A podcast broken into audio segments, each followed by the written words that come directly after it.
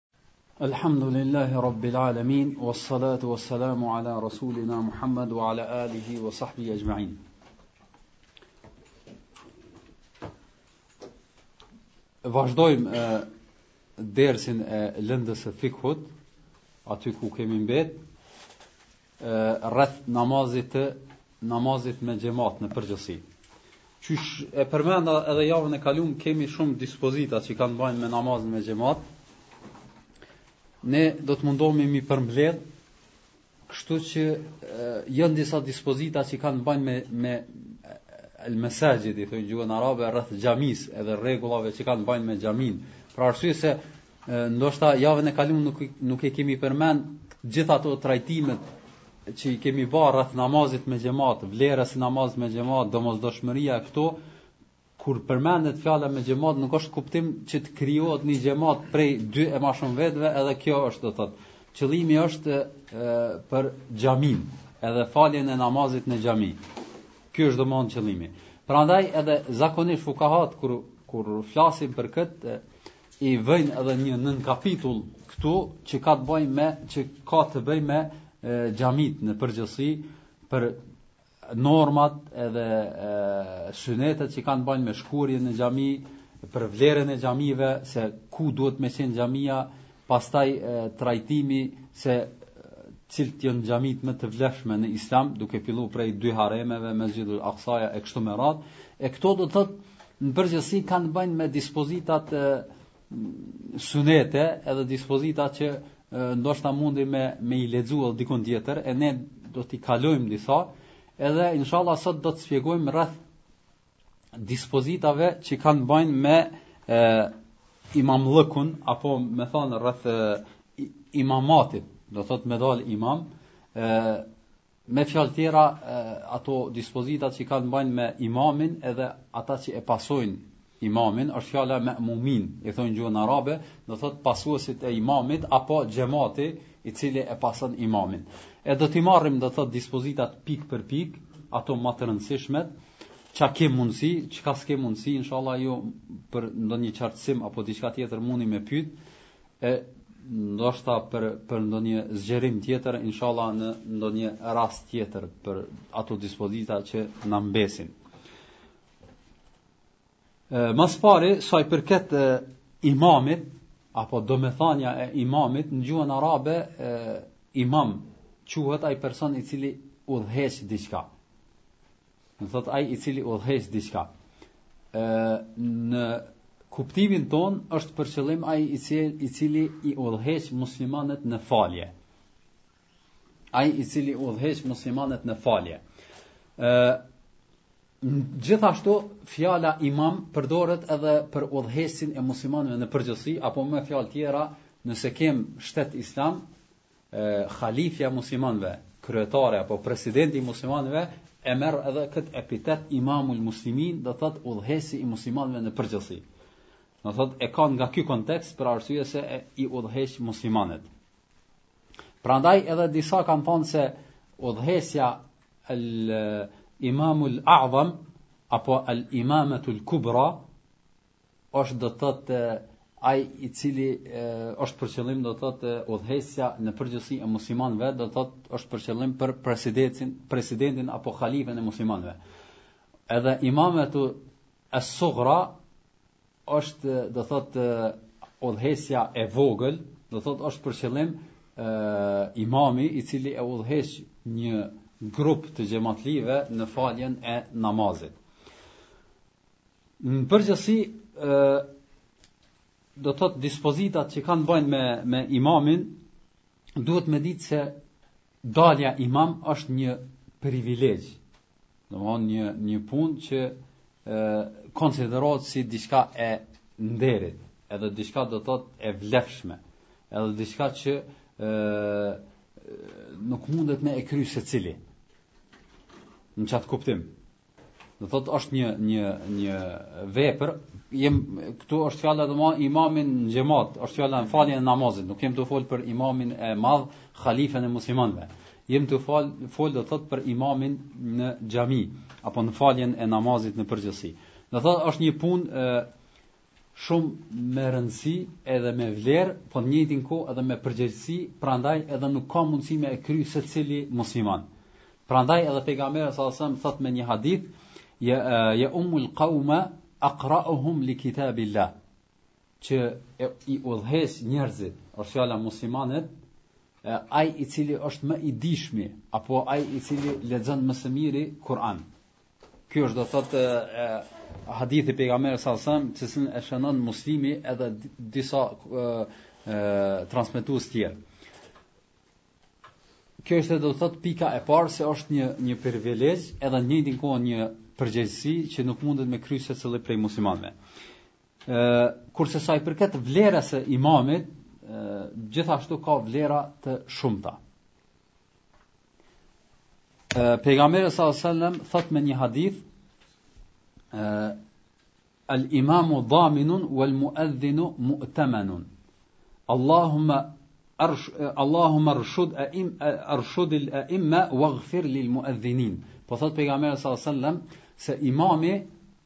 Do thot po fol për imamin edhe muezinin, që janë do thot dy faktorë më kryesorë do thot për udhëheqjen e muslimanëve apo për faljen e namazit. Pejgamberi sallallahu alejhi ve selem thot al imamu dhaminun. E, imami është e, si me thanë ai i cili hin garantues, domethënë që ju garanton xhematit, se do thot po merr përsipër pe merr me, me fjalë tjera pe merr në qaf krejt krejt xhamatin se ai ka me i udhëheq qysh duhet dhaminun wal muadhinu mu'tamanun kurse muezini është ai i cili është besniku do thot që i është lan përsipër çështja e thirrjes hyrjes kohës daljes e kështu me radh këto gjëra kështu e ka nda pejgamberi sa sa në në kuptim do thot, e, rolin e imamit edhe rolin e muezinit për faljen e e namazit. Pastaj në fund pejgamberi sa sa po bën dua o Zot udhëzoj do thot udhëheqsat është fjala imamat edhe e, mshiroj Apo fali muezinat. Kështu po thot pejgamberi sallallahu alajhi wasallam në një hadith, i cili të cilin e shënon Ebu Davudi edhe Albani e cilëson të saktë. Mirëpo, në përgjithësi, është një trajtim te fukahatë se cila është vepra ma, ma më e lëvdruar. A është me qenë imam, apo me qenë muedhin. Për arsye se edhe për muezinin e dim që ka vlera, edhe pejgamberi sallallahu alajhi wasallam ka hadithe që e, ka lavdru e, muezinin në përgjithësi. Prandaj edhe ka trajtime te te fukahatë, edhe prej tyre ka që kanë thënë se imami është më me do thot me dal imam është më sevap apo më me vlerë se sa me qenë muezin duke u argumentuar nga argumentet e përgjithshme se këtë vepër apo këtë rol e kanë kry pejgamberi sallallahu alaihi wasallam sahabët apo halifët që kanë ardhur pas tyre pastaj edhe atë që ka thënë pejgamberi sallallahu alaihi wasallam se i udhëheq muslimanët Ai i cili është më i dijshëm me librin e e Allahut, do të thotë me Kur'anin. Por disa të tjerë kanë përzgjedh se më me vlerë është dalja apo puna e muezinit është për qëllim ai i cili e thirr ezanin edhe ikametin. Se kjo është më me vlerë për shkak atyre haditheve që lavdrojnë rolin e muezinit edhe e, Gjithashtu do të thotë theksojnë se çështja e hyrjes kohës edhe daljes e do të thotë paralajmërimit të muslimanëve është një shërbim që pa dyshim e ka vlerën e saj. Edhe Sheikhul Islam Ibn Tejmije e përzgjedh mendimin se kjo është më e saktë, do të thotë se muezini është më i vlefshëm apo vepra kryerja e muezinllëkut Është më e vlefshme se shërbimi sikurse imam në kuptim do të thotë të, të sevapeve në atë vepër. Nuk e kem për qëllim do të thotë si personalitetin në përgjithësi, për arsye se na e dimë se zakonisht imamat janë më të dishëm, janë hoxhallar, dietar e kështu me radhë. Kurse trajtimi i asaj se pse pra pejgamberi sa sa nuk është po të ishte kjo me vlerë atëherë do ta krynin edhe pejgamberi sa sa edhe udhëheqësat kanë thënë halifet, hulefat që kanë ardhur pas tyre kanë thënë se do thot tregon do thot Ibn Tejmije thot për arsye se këta janë marrë me punë më të mëdha, sikurse që ka qenë udhëheqja e muslimanëve e e punë të këtilla, kështu që Kjo ka qenë e pamundur me me u kry të gjitha këto punë, prandaj edhe për këtë shkak do të thot nuk ë tregohet se pejgamberi sa sam e ka kry edhe edhe këtë këtë vepër do thot kryerjen e muezinllëkut. Edhe pse te ne do thot ka unë qëllimisht e trajtova këto për me kuptu se zakonisht neve kur na ndodh nëpër domethënë falim në ndonjë vend që nuk ka të përcaktun të imamit apo të muezinit, zakonisht domethënë ka te vllaznit domethënë një lloj se kush po del muezin e kush po thirr ezanë, kështu do thot një farë neglizhimi që nuk ja vlen për neve me, me toleru për arsye se a, e dim që në punë edhe të hajrit edhe në punë të mira nuk ka e me i dhonë përparësi njani-tjetrit. Do thot është fjala në ibadete në adhurime në përgjithësi. Edhe në këtu do thot nuk duhet me neglizhu, mirëpo sa herë t'jepet rasti, mos e pyet a po thirr ti a po thirri unë, mirëpo të jetë do thot ky moto i secilit musliman me e kry këtë për arsye se ka shpërblime edhe vlera. Unë prandaj edhe e përmenda këtë për me pas parasysh edhe mos me neglizhu domethënë në çështjen e thirrjes së ezanit apo të bërjes së ikametit në përgjithësi kur e kemi rastin edhe mundësinë.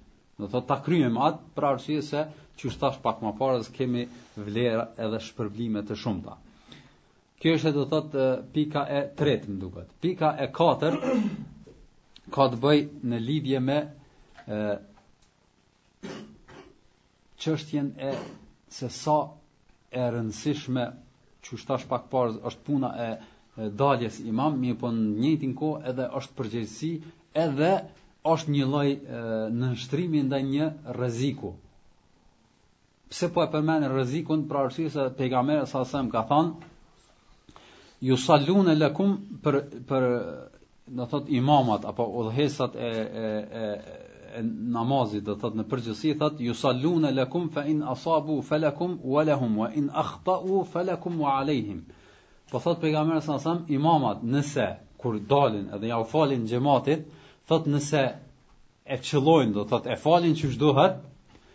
se ata kanë shpërblim edhe për veti, edhe për juve.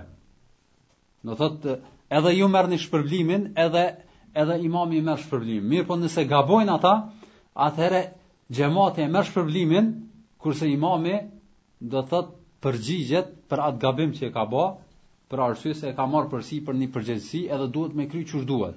Që do thot imami nuk për, xhamati nuk përgjigjet për gabimet e imamit. Mirëpo për të mirat e imamit merr shpërblime.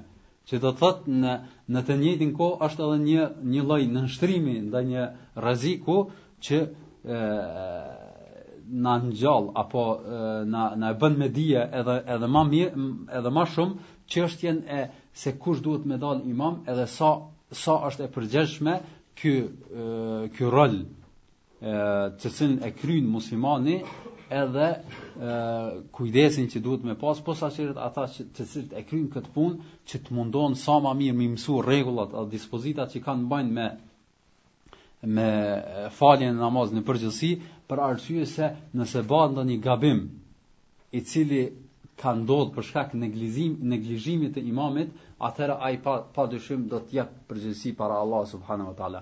Mirëpo nëse ndodh ndonjë send që është jashtë mundësive të imamit, atëra pa dyshim Allah subhanahu wa taala nuk e ngarkon do të thotë muslimanin më shumë se që ka mundësi ai me me bajt.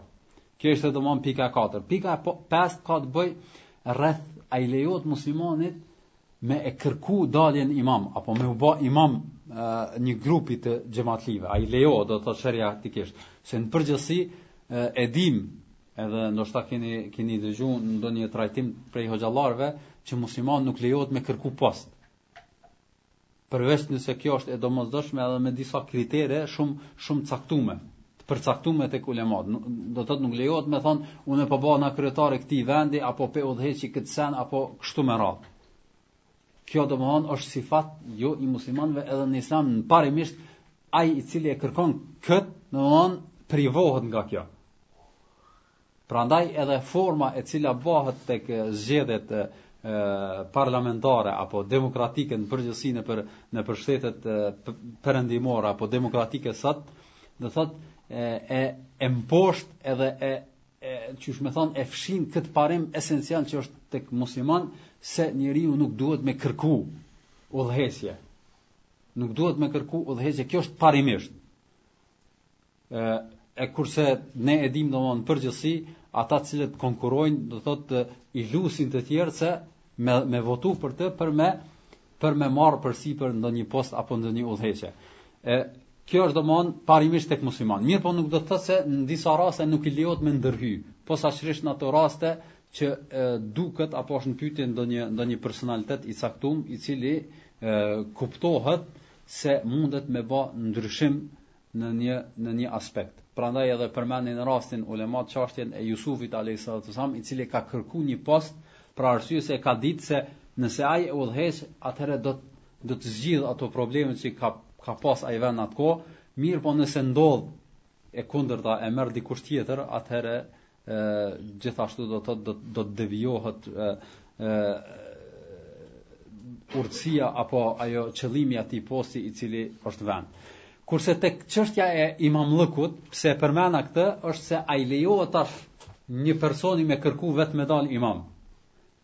Parimisht kjo nuk është e njëjtë sikurse në çështjen e e udhëheqjes së të ndryshme. I lejohet muslimanit edhe vërtetohet se ka ardhur tek ka ardhur tek pejgamberi salallahu alejhi ue selem një sahabi e ka pas emrin Uthman ibn Abi al-As.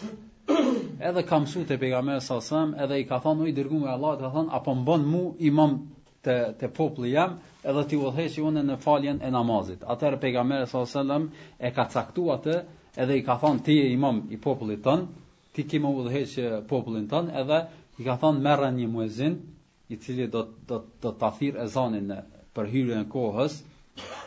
Edhe i ka thonë kshyr kur të marrsh muezinin, mos e merr do thot me pare, do thot me pagu atë. Mirëpo, me me e kry kët punë me Do thot me vullnetarisht. Kështu e ka e ka porosit pejgamberi sallallahu alajhi wasallam në një hadith të cilin e transmeton Ebu Davudi, Nesaiu dhe të tjerët. Kjo është e sa i përket pikës së katërt. Pika e pestë, a pika e gjashtë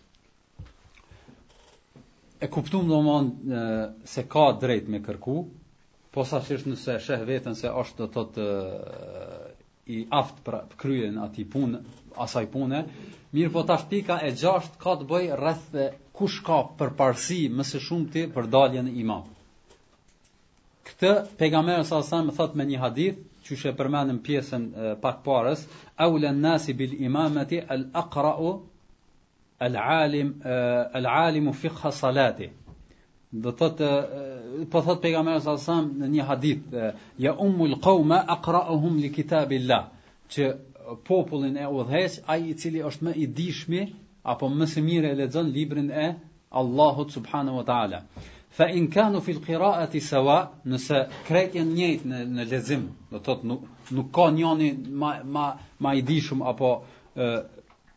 kështu me radh atëherë nëse të gjithë janë të njëjtë atëherë fa a'lamuhum bi sunna ai i cili e din më së miri sunetin do thot e ka ka ndejt me pejgamberin salallahu alejhi ue selem i ka i ka mësu hadithet e pejgamberit, i din do thot ka njohuri n'kët fush atëherë ai ka përparësi më shumë nëse edhe në kët janë domthon njëjtë atëherë kush del ka thon pejgamberi salallahu alejhi ue selem ai i cili është më i vjetri në hijret Është fjala do të thotë që ka ba hijret më së më herët se tjetri, ai ka përparësi.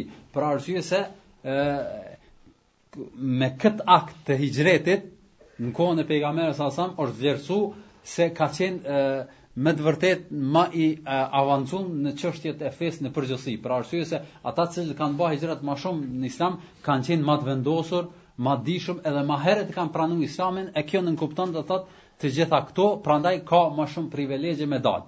Thot edhe nëse në këtë janë bashk, do thot kanë atëherë kush ka përparësi më shumë, atëherë thot ë në hadith ka thënë fa aqdamuhum silman në një transmetim, në tjetrin fa aqdamuhum sinnan.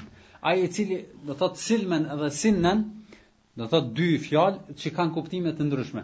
Ka thënë nëse edhe dytë janë hijret të njëjtë, atëherë ai i cili është më i ri apo më herët e ka pranuar Islamin, që kjo aqdamuhum silman. Qët kuptim e ka. E kuptimi i dytë aqdamuhum sinnan është për qëllim ai i cili është më i vjetër. Do të thotë të dyja kanë kanë kuptime. Kjo është domthon hadithi i pejgamberit a.s. i cili e vendos atë kriterin se kush duhet me dal imam. Do thot ma s'pari po thot aqra'uhum li kitabillah, ai i cili është më më së miri e lexon librin e Allahut. E që kjo aqra'uhum li kitabillah tek fukahat ka kanë ngjall domthon disa shtjellime se për çfarë është qëllim që kjo aqra'uhum. A është për qëllim ai i cili lexon më mirë apo ai i cili është më i dijshëm. Edhe të dy kuptimet i ka kjo, dhe prandaj ndoshta e keni vrejt gjatë përkthimit unë e kam përdor edhe të parën edhe të dytën. Domthonë ai i cili di më mirë me lexu Kur'an ose ai i cili është më i dijshmi me librin e Allahut, domthonë është më më i njeh dispozitat e kështu me radhë. Prandaj ë ulemat kanë dy mendime në këtë në këtë pikë. Në kuptimin se a duhet me dal ai i cili din me lexu ma s'mirti, domthon i shqipton shkronjat, e çon do thot secilës shkronja ia jep hakun, lexon mirë e kështu me radh, a ky ka përparësi, apo ka përparësi ai i cili është ma i dijshmi, në kuptimin e, e ka të zhvillun, apo i ka e, parasysh njohuritë që kanë të bëjnë me e, namazin e përgjithësi, Duke fillu prej formës së namazit, dispozitave që kanë të bëjnë, pastaj çështjet që ndoshta gjatë faljes mundet me me me u ndesh me një dispozit edhe ai i cili ka aftësi me gjet zgjidhjen apo dikush i cili do thot nuk nuk i din këto qysh duhet, mirëpo e lexon Kur'anin më mirë e kështu me radhë. E Tek për këto dy e, format apo për dy llojet ka mendime tek dijetarët. Disa kanë thënë se ai i cili është më i dijshëm me lexu domethënë më mirë Kur'an, disa tjerë kanë thënë se ai i cili është më i dijshëm me dispozitat. Në përgjithësi disa të tjerë, domthon pak më të vjetër, më të ri domthon fukaha janë mundu me bë një lloj bashkimi, edhe kanë thënë se nëse leximin e atyre sureve apo e atyre ajeteve të cilat i lexon Kur'an, i ka të mësuar mirë, do thotë i ja u jap hakun qysh me thënë. Edhe e ka të zhvilluar, edhe ka njohuri të fikhut, edhe dispozitave në përgjithësi, atëherë ky ka përparësi më shumë se sa një person i cili ndoshta është i njeh Kur'anin mirë, edhe lexon mirë, por ë do thot në dispozita në përgjithësi domethënë nuk ka nuk ka njohuri shumë. Kështu do të thotë janë janë mundu. Megjithatë, kjo është domethënë për kohën tonë, edhe është fjala domethënë kohën pas pejgamberit salallahu alejhi selem edhe gjeneratat e më vonshme, me të vërtetë është diskutabile, mirëpo për gjeneratat e hershme nuk ka qenë aq e nevojshme të debatohet kjo meselë për arsye se ai i cili ka ditë më së miri Kur'anin, ai ka qenë edhe më i dijshmi. Pse? Për arsye se metodologjia e mësimit, mësimeve në përgjithësi, nuk ka qenë ashtu qysh tek ne është tani, apo ka është zhvillu në kohëvet, në kohët e mëvonshme, që pa dyshim është ma e keqe. Qysh vërtetohet nga sahabet e pejgamberit salallahu alejhi selem, të cilët kanë thonë, do të thotë se nuk i kanë kalu 10 ajete mi mësu përmendsh, pa e kuptu domethënien e tyre, edhe pa punu me to ashtu qysh duhet. Kështu që shumë prej sahabëve nuk kanë qenë hafiza, edhe ndoshta prej, prej dijetarëve, apo prej, prej hulefa rashidinëve, nuk, nuk i kanë ditë të gjitha ajetet, do thot komplet Kur'anin. Mirëpo, në dispozita i kanë mësuar ato edhe do thotë ai proporcioni apo lidhja ndërmjet mësimit të Kuranit edhe dispozitave ka qenë së bashku, ka qenë, ka shku domethënë në formë paralele. Për dallim për dallim me Domethënë çështjen e, e sodit, domethënë kohën e sodit, bashkëkohore, apo edhe, edhe pak ma, ma kohët e pak më të hershme që është bërë, do thotë ka mundësi njeri me ditë përmendsh Kur'anin prej fillimit deri në fund, mirëpo në dispozita mos me mos me kuptu vetëm se shumë pak. Që është domethënë një realitet, ndoshta që e kem kem pas rastin edhe ne me pa apo me dëgju. Kjo është domon sa i përket pikës së katërt. Pika së gjashtë, pika e shtatë ka të bëjë rreth llojeve të njerëzve që dalin imam në përgjithësi. Jon disa disa nën pika nëse mundem mundem me thon kështu. ë Çështja e parë apo e, pika e parë ka të bëjë rreth daljes imam a i lejohet me dal njeriu i cili nuk ka arrit moshën e pjekurisë. Apo me fjalë tjera, fëmiu a i lejohet me dal imam apo jo. Kjo është domon ë çështja e parë që ka të bëjë në në çështjen e llojeve të të imamave në përgjithësi.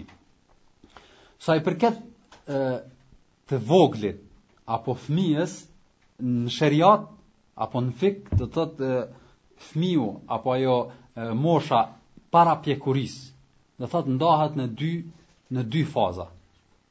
Do thot mosha prej lindjes deri sa të arrin pjekurin ndahet në dy faza. Këto domon ta keni parasysh se është e rëndësishme. Faza e parë i thonë as-sabiu ghayrul mumayyiz. Do thot fëmiu i cili nuk nuk është domon i kthjellt edhe nuk është nuk i dallon gjërat. Do thot ka mundësi fëmia që arrin domon vitin e parë, 2, 3, 4 do thot mvaret tash Ka mundësi për shembull nëse sheh zjarrin e fut dorën.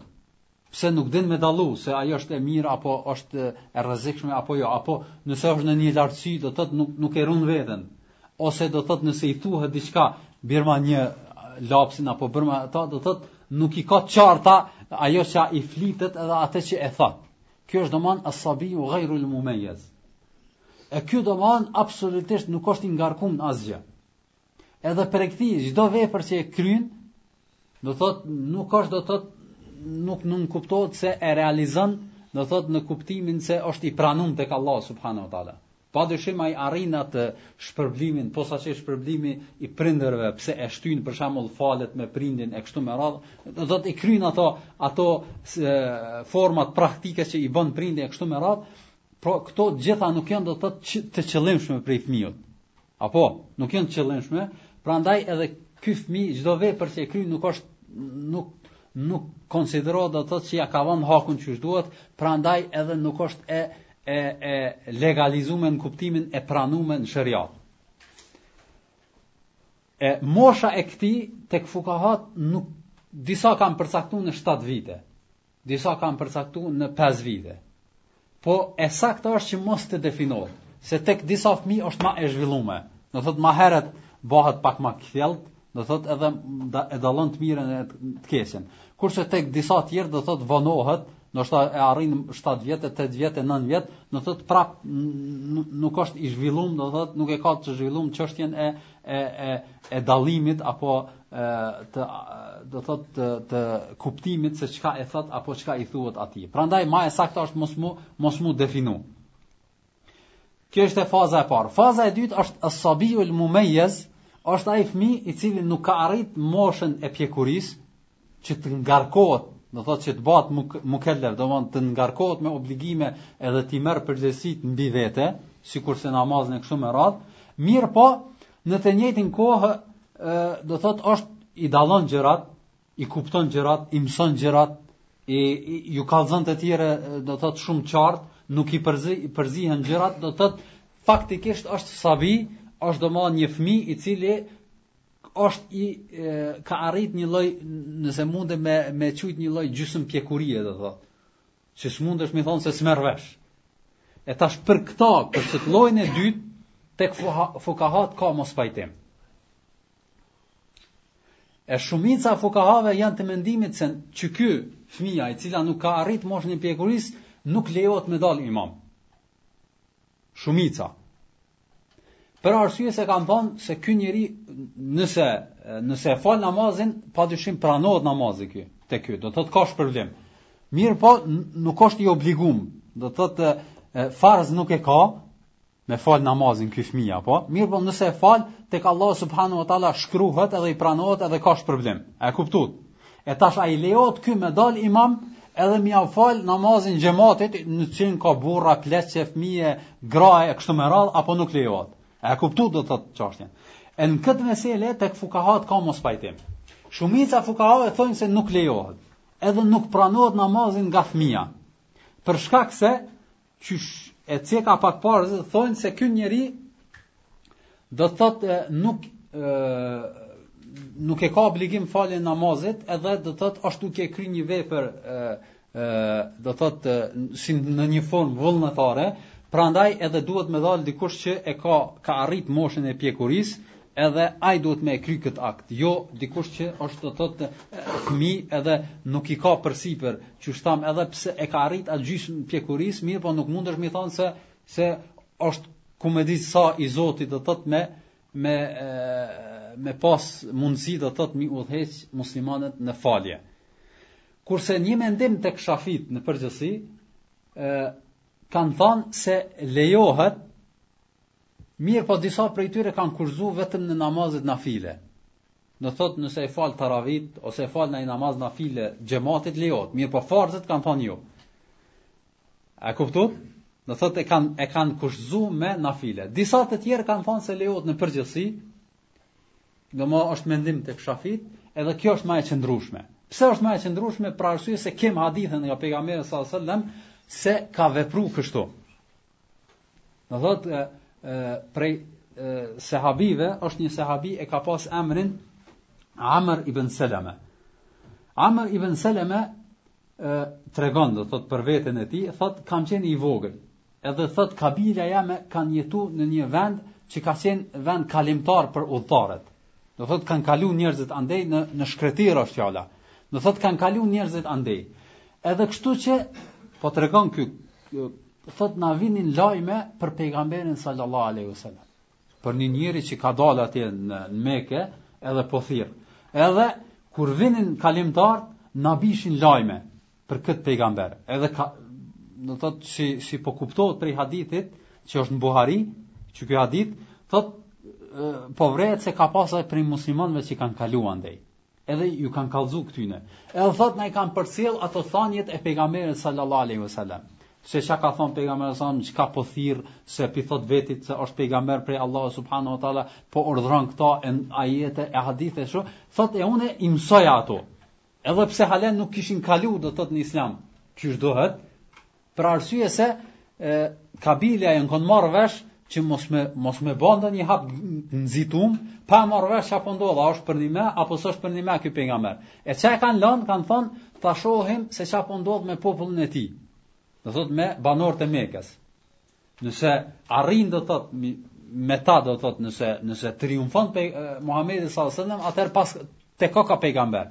Nëse nuk triumfon, do thot këta krejt këto lajme pi marrin prej prej ndërmjetësusve, jo diçka direkt. Edhe thot kemi prit derisa është shliru Meka. Kur është liru Mekja, kanë fillu krejt kabilet me, me shku delegacione edhe me pranu islamin te pejgamberi sallallahu alajhi wasallam. E prej këtyre thot të parve që kanë shku ka qenë thot babai jem. Edhe thot e ka pranu Islamin, edhe krejt kabilja mas tij e kemi e kemi pranu do thot Islamin. Edhe thot e kishte urdhru pejgamberi salallahu alejhi selam babën do thot që kur të kthehet në kabile që me caktu dikush me fal namazin edhe me i udhëheq muslimanët në në xhamat domethan në faljen e namazit edhe thot i kishte thënë pejgamberi salallahu alejhi selam që me i udhëheq muslimanët ai i cili është më i dijshëm me librin e Allahut edhe thot kur është kthy pejgamberi salallahu alejhi selam edhe kur jemi mbledh atëherë kam dal që unë kam qenë më i dijshmi Do të thotë ky ka ditë më së shumti. Për arsye se ky i kishte mësu më herët, i ka mbajt mend edhe i ka mësu ajetet e hadithet e sende, edhe këta tjerët, ky u kon ma i dishëm. Edhe janë detyru me qit këta e ky ka pas 7 vjet. Do të thotë ka qenë ma i vogli. Sa që tregohet, ky do të thotë po tregon për veten e tij, thotë kanë qenë e dini do të thotë kanë qenë të varfër në përgjithësi. E thotë e kam pas një rrobe që ka qenë i ngushtë edhe i vogël, Edhe ju ka dok avreti, kur ka shku në sexhde, ju ka dok domethan një pjesë e avretit. Do të thotë, ka qenë do të thotë fukarallëk, edhe në atë formë edhe ju ka dok një pjesë e avretit. Edhe njëra prej grave, që ka falë namaz me xhemat, e ka kesh imamin. Do të thotë, ka thonë, ça është puna e këtij imamit, që po i doket do të thotë, do të thotë, po i doket avreti, kur po shkon n'sexhde. Edhe thot, do thot kanë do thot sikurse ka bë hajgare me imamin. Atëherë thot ju bashku kabilja edhe ma kanë ble një rrobe, edhe më kanë vesh me to, që kur dal imam do thot me dal mirë, edhe thot nuk mbaj mend që jam gëzu ndonjëherë ma shumë se atë ditë kur ma kanë ble do thot at at at rrobe, do thot edhe e kanë vesh bukur, edhe ju ka dal me fal me fal do thot imam ju ka dal kabiles së tij edhe ja u ka fal namazin. Kjo është domethan një hadith që me të vërtet është shumë ë që në të fukahat nxjerrin shumë shumë dispozita, prej tyre është edhe kjo se lejohet me dal imam sabiu, i cili ka arrit do të thotë moshën e dallimit të të gjërave. Do thot nuk është fëmijë krejt, nuk e ka arrit moshën e pjekurisë, mirëpo ka arrit do thot mi mi dallu gjërat. Edhe kanë argumentu me këtë hadith i cili siç thash pak parë është në Buhari. Edhe kanë thënë se po të ishte e papranume dalja e sabiut imam, atëherë Kur'ani n'ato ka qenë në, në zbritje e sipër. Atëherë Allahu subhanahu wa taala do ta sqaronte këtë çështje. Për arsye se në çdo çështje që ka ndodh jo sakt në Islam, gjatë kohës së shpalljes së librit të Allah subhanahu wa taala, ose ka ka zbrit ajet, ose i është ardh vahji nga pejgamberi sa sa me e përmirësu atë çështje. Edhe kanë thonë për këtë gjë, Kurani ka qenë në vazhdim e sipër, edhe nuk ka zbrit ndonjë ajet apo nuk ja u ka tërhek vërejtën pejgamberit sallallahu alajhi wasallam se kjo që po veprojnë këta është e e papranume. E derisa nuk paska pas diçka, atëherë nuk kemi edhe argument që e ndalon kjo. Prandaj edhe e, kam thënë se kjo vepër është e lejume, edhe lejohet me dalë me kusht që me qenë ai ma i dijshëm se të tjerët, atëherë lejohet me dalë. E kështu që nëpër nëpër rastet tona ndodh për shembull që me dalë imam do thot fmija nëse prindrit janë shumë të vjetër, nuk kanë pas mundësi me mësu apo janë kanë hy në islam vonë, edhe fmija ka lexu ma shumë, edhe nëse nuk e ka arrit moshën e pjekurisë, lejohet me dalë Por qysh thash pak ma parë, me të vërtetë është prej prej gjërave që është pak e jo e zakonshme edhe tek hoxhallarët në përgjithësi, do thotë nëse ju folet kjo e e konsiderojnë diçka jo shumë normale edhe e mohojnë se kjo mundet me qenë me qenë e saktë. Megjithatë po themi se kjo është Do thotë e qarta prej hadithit të pejgamberit sa selam edhe kështu të, duhet të veprohet. Meselja tjetër ose po ndalemi këtu për arsye se kemi marr pak kohë wa sallallahu alaihi wa ala alihi wa sahbihi